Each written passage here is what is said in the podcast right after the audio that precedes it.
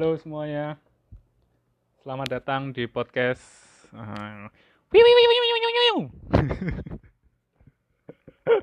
jadi aku belum punya nama podcast, jadi namanya itu dulu ya. Nah, perkenalin nama aku Repi, seorang mahasiswa sekaligus seorang ayah. Jadi podcast ini banyak terinspirasi dari podcast Permisi Paket. Ya, asik. Itu adalah podcast teman-temanku di sini. Uh, coba deh dengerin, ada di Spotify sama Apple Podcast. Aku juga suka dengerin kok, bagus kok, dengerin aja. Terus, kenapa dibuat podcast ini? Nah, jadi podcast ini itu latar belakangnya adalah uh, aku itu selama ini punya banyak keresahan atau pikiran-pikiran random yang muter aja nang otakku. Nah, aku itu butuh tempat untuk ngelepeh pikiran-pikiran random itu loh. Jadi supaya nggak ngendon, ngendon itu apa ya? Supaya nggak stuck di pikiranku itu aku butuh sebuah tempat untuk mencurahkan segala keresahan dan pikiran-pikiran random ini. Nah dulu itu juga sebenarnya aku suka nulis. Tapi kalau nulis itu kan harus mikir kan karena bahasanya itu harus ya harus lumayan baku dan ditata alurnya. Kalau podcast kan kayaknya enak gitu tinggal nge-CMS. Jadi kayaknya lebih praktis ya kalau aku bikin podcast. Dan karena podcast ini tujuannya adalah untuk ngelepeh pikiranku itu tadi, jadi ya uh, bikinnya itu bukan dengan tujuan menjual. Jadi artinya ya simpel-simpel aja lah seadanya aja lah podcast ini. Pokoknya hasratku untuk ngelepeh tadi udah tersalurkan ya cukup puas lah. Gak peduli di no tagak. Ya oleh isok di no sih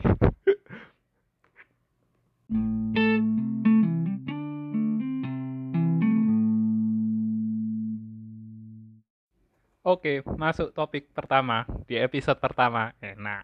Mbok saiki episode pertama bakal ada episode-episode selanjutnya tagak yang penting di episode ini uh, aku mau bahas keresahanku tentang fenomena kenapa sih orang sekarang itu kayaknya lebih sensitif terutama dalam isu pelakor pelakor dibanding orang-orang dulu ya ini maksudnya pelakor itulah uh, apa singkatane perebut laki orang atau perebut pasangan orang. Lek perempuan jarene pebinor. Tapi whatever lah ya pokoknya rebut-rebutan pasangan intinya. Nah kenapa kok aku bisa bilang kalau orang dulu itu lebih santai sama isu pelakor ini? Soalnya lagu-lagu tentang pelakor itu trending di Indonesia itu di rungokno sa Indonesia didengarkan sa Indonesia. Contohnya lagu teman tapi mesra Ratu, Mulan Jamila sama Maya Ahmad.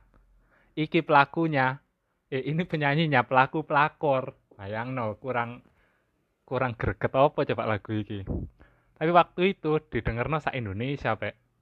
Sa Indonesia tahu lagu ini, sa Indonesia nyanyi lagu ini. Padahal isunya pelakor. Dan dari judulnya wes teman tapi mesra, kurang pelakor apa Pak iku. Terus Astrid, kalau ada yang ingat Astrid penyanyi zaman 2000-an mungkin 2000-an. Ada judulnya lagunya Jadikan aku yang kedua. Jadikan aku yang kedua. Enak. Nah, lagu itu kurang pelakor apa coba? Minta loh padahal. Malah minta jadi pasangan simpanan. Pasangan, ya pasangan yang kedua. Kurang pelakor apa coba itu? Tapi lagi-lagi trending di Indonesia. Di rungok Nosa Indonesia Gak ada tuh yang protes sama Astrid. Dan Astrid juga nyanyi dengan bangga lagu ini. Heran deh kenapa orang Indonesia itu sekarang kok sitik-sitik sama isu pelakor? Ngamuk sa Indonesia. Padahal masih gosip loh itu. Ini masih banyak ini contohku yang lain. Kalau dulu masih ingat Aura Kasih itu kan dulu pernah nyanyi. Kalau ada yang ingat ada lagunya itu judulnya Jangan Bilang Siapa-Siapa. Aku agak lupa ini judulnya eh lagunya kayak gimana tapi yang paling tak inget itu uh, video klipnya jadi lagu ini itu dinyanyiin sama ada satu lagi penyanyi namanya Alia Sachi ini lagi searching nah di video klip itu Aura Kasih sama Mbak Alia Saci ini joget-joget sambil nyanyi. Lagunya jangan bilang siapa-siapa cerita tentang pelakor. Hmm, kon. Kurang greget apa iku coba sebagai lagu bertema pelakor. Tapi lagi-lagi itu didengar sama seluruh Indonesia.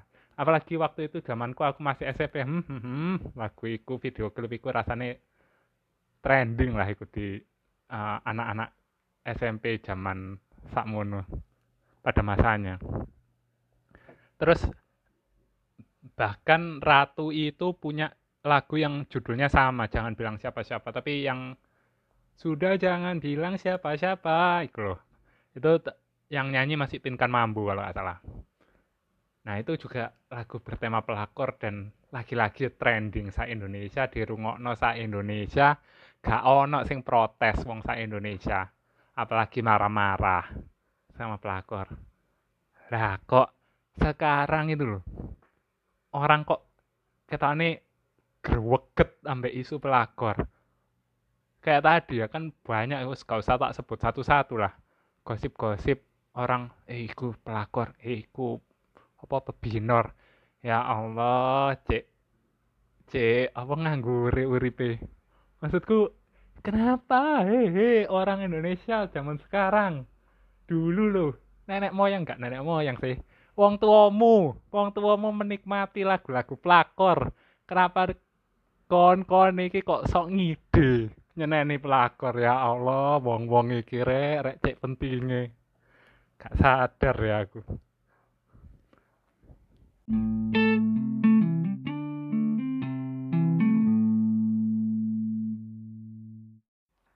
Nah, sekarang kita bahas kenapa sih kok hal ini terjadi. Dari analisaku, setidaknya itu ada dua kemungkinan.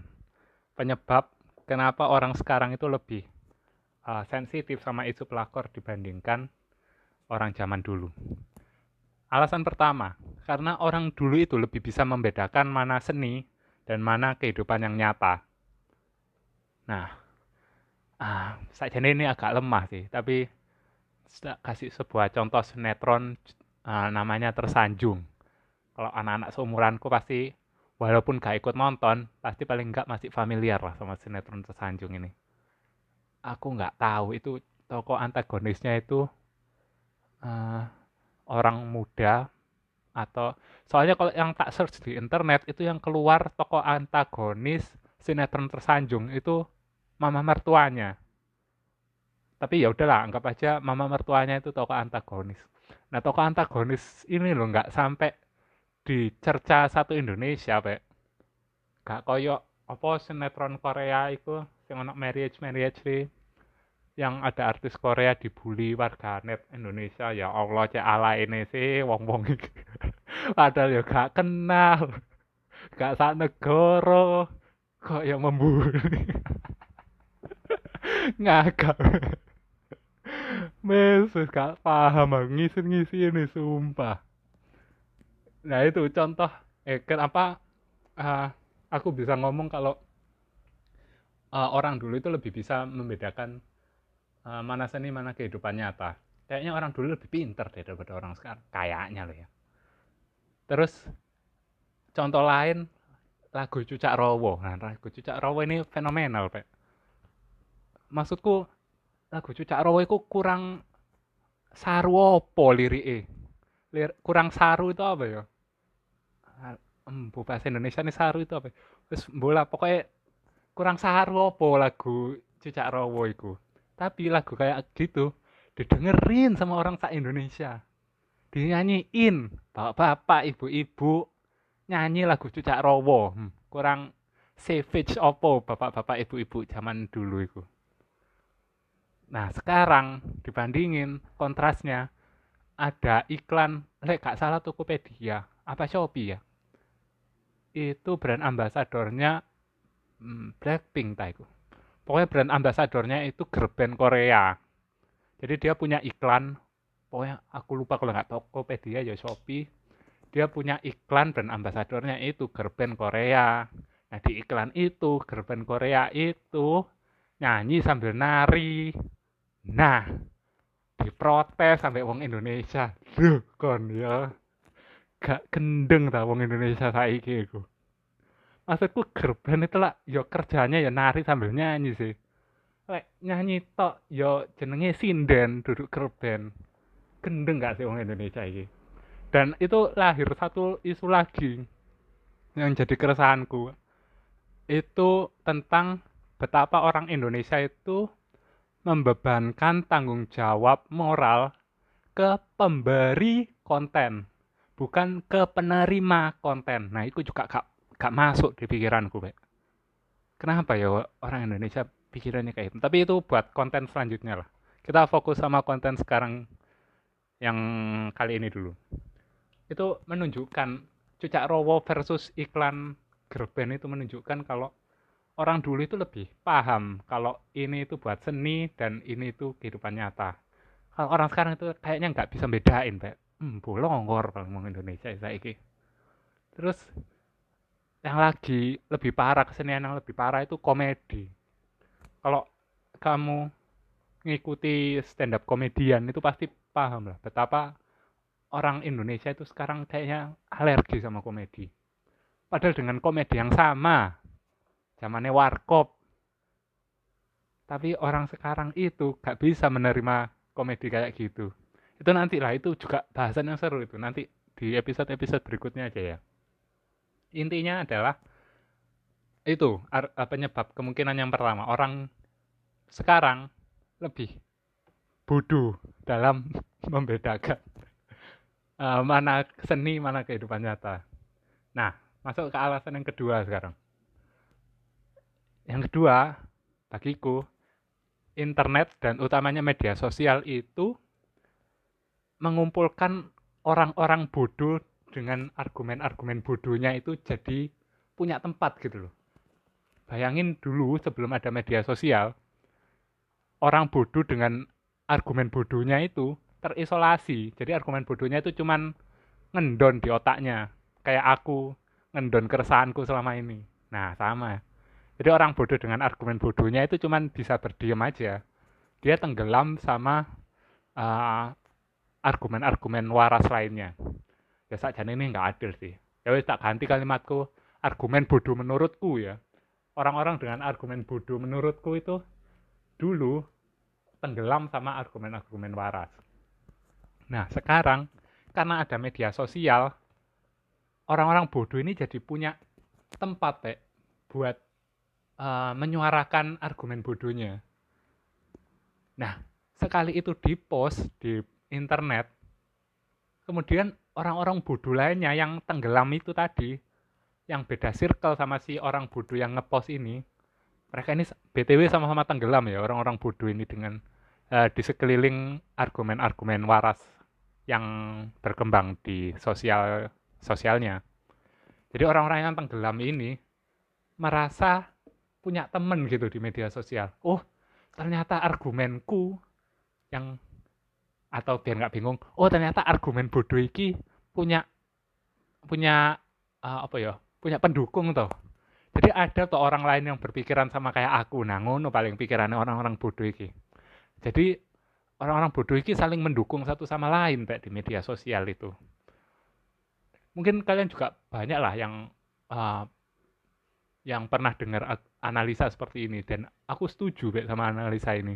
Sumpah, media sosial itu mengumpulkan eh, orang-orang dengan argumen sejenis. Nah, bahayanya ini. Jadi argumen bodoh itu karena punya tempat, orang-orang lama-lama jadi berkumpul, tambah banyak pengikutnya, tambah banyak pengikutnya, tambah banyak pengikutnya. Kayak gula dikelilingi semut gitu pertama cuma satu semut yang datang kemudian tambah banyak yang datang tambah banyak yang datang tambah banyak yang datang akhirnya lama-lama itu jadi argumen majority Pak.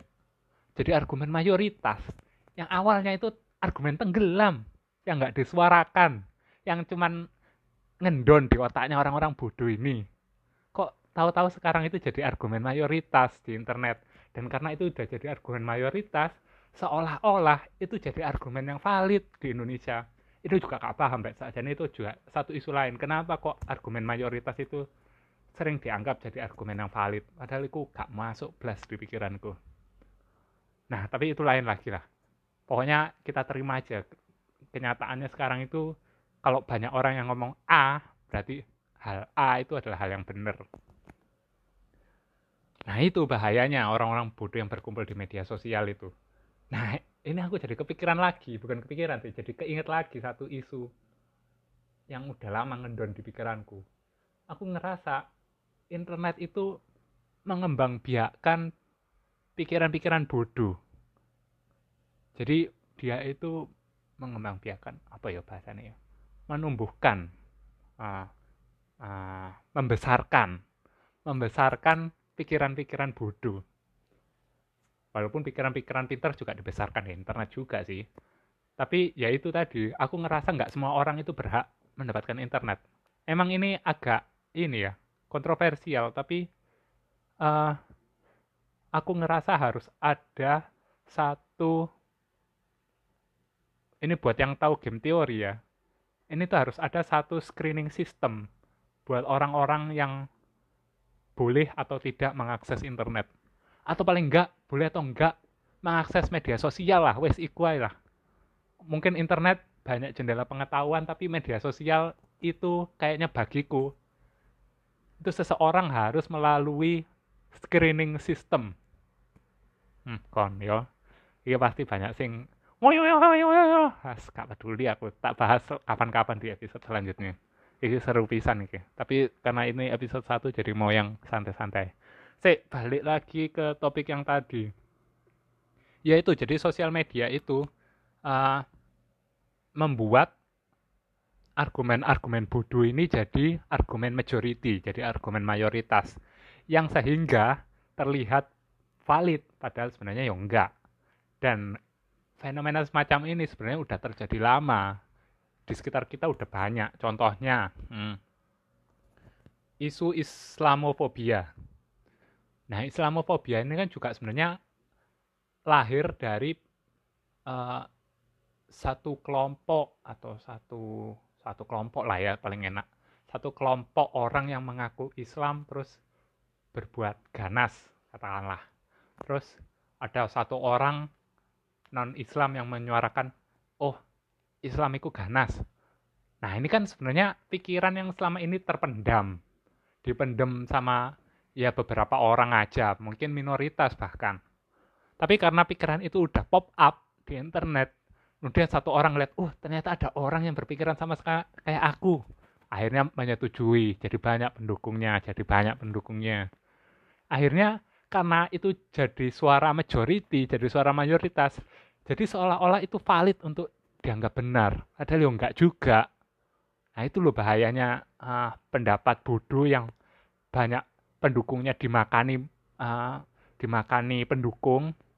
Jadi terlihat majority ujung-ujungnya jadi terlihat benar. Wah, bahaya pol kayak sumpah. Itu sama kayak Islamofobia tadi. Sama juga kayak uh, apa sih ono bahasa nih kok sakjane iku. Uh, anggapan orang misal sama orang Padang itu pelit misal atau orang Jawa itu kelemat-kelemet atau orang Madura itu kasar. Nah, itu kan anggapan orang kan kan itu pasti anggapan itu ada satu titik mulanya kan. Nggak mungkin moro-moro uh, anggapan itu udah lahir sejak zaman Nabi Adam kan juga mungkin. Itu kan pasti ada satu titik mulai kenapa anggapan itu ada. Mungkin pada zaman dahulu kala ada Mas Joko orang Jawa temenan sama A Dadang orang Sunda katakanlah. A Dadang ini ngelihat Mas Joko ini wah Mas Joko iki kelemat-kelemet kelemat-kelemet teh nah guys kayak bahasa Sunda. Pokoknya intinya gitu loh. Mas A Dadang itu ngeliat Mas Joko kelemat-kelemet terus ngomong wah ma, orang Jawa iki kelemat-kelemet nah sejak itu gara-gara Mas Joko iki kelemat-kelemet orang Jawa jadi dianggap kelemat-kelemet padahal kan ya enggak juga sebenarnya. Itu kan pandangan satu orang yang dimakani eh, orang-orang uh, lain. Maksudnya apa ya orang-orang banyak dimakani pendukung-pendukungnya. Jadi terlihat besar jadi terlihat mayoritas. Padahal enggak juga. Ya gara-gara Mas Joko ya lah pokoknya.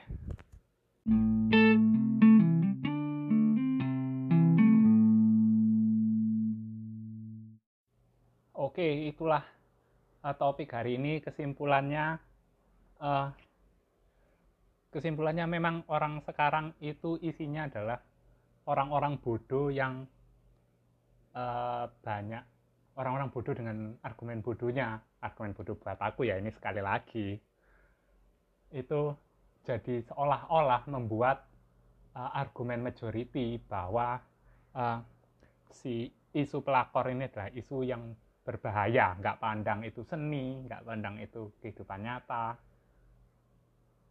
Jadi kesimpulannya itu, kenapa kok uh, isu pelakor ini orang dulu santai, orang sekarang sensitif banget ya, karena permukaannya dipenuhi sama argumen bodoh yang jadi argumen majority. Dan sebagai penutup, uh, ini adalah episode pertama. Aku nggak tahu ini bakal berlanjut apa enggak tergantung moodku ngelanjutin. Ya kalau ada episode baru nanti ya sampai bertemu lagi. Kalau nggak ada ya wis lah ya. Dah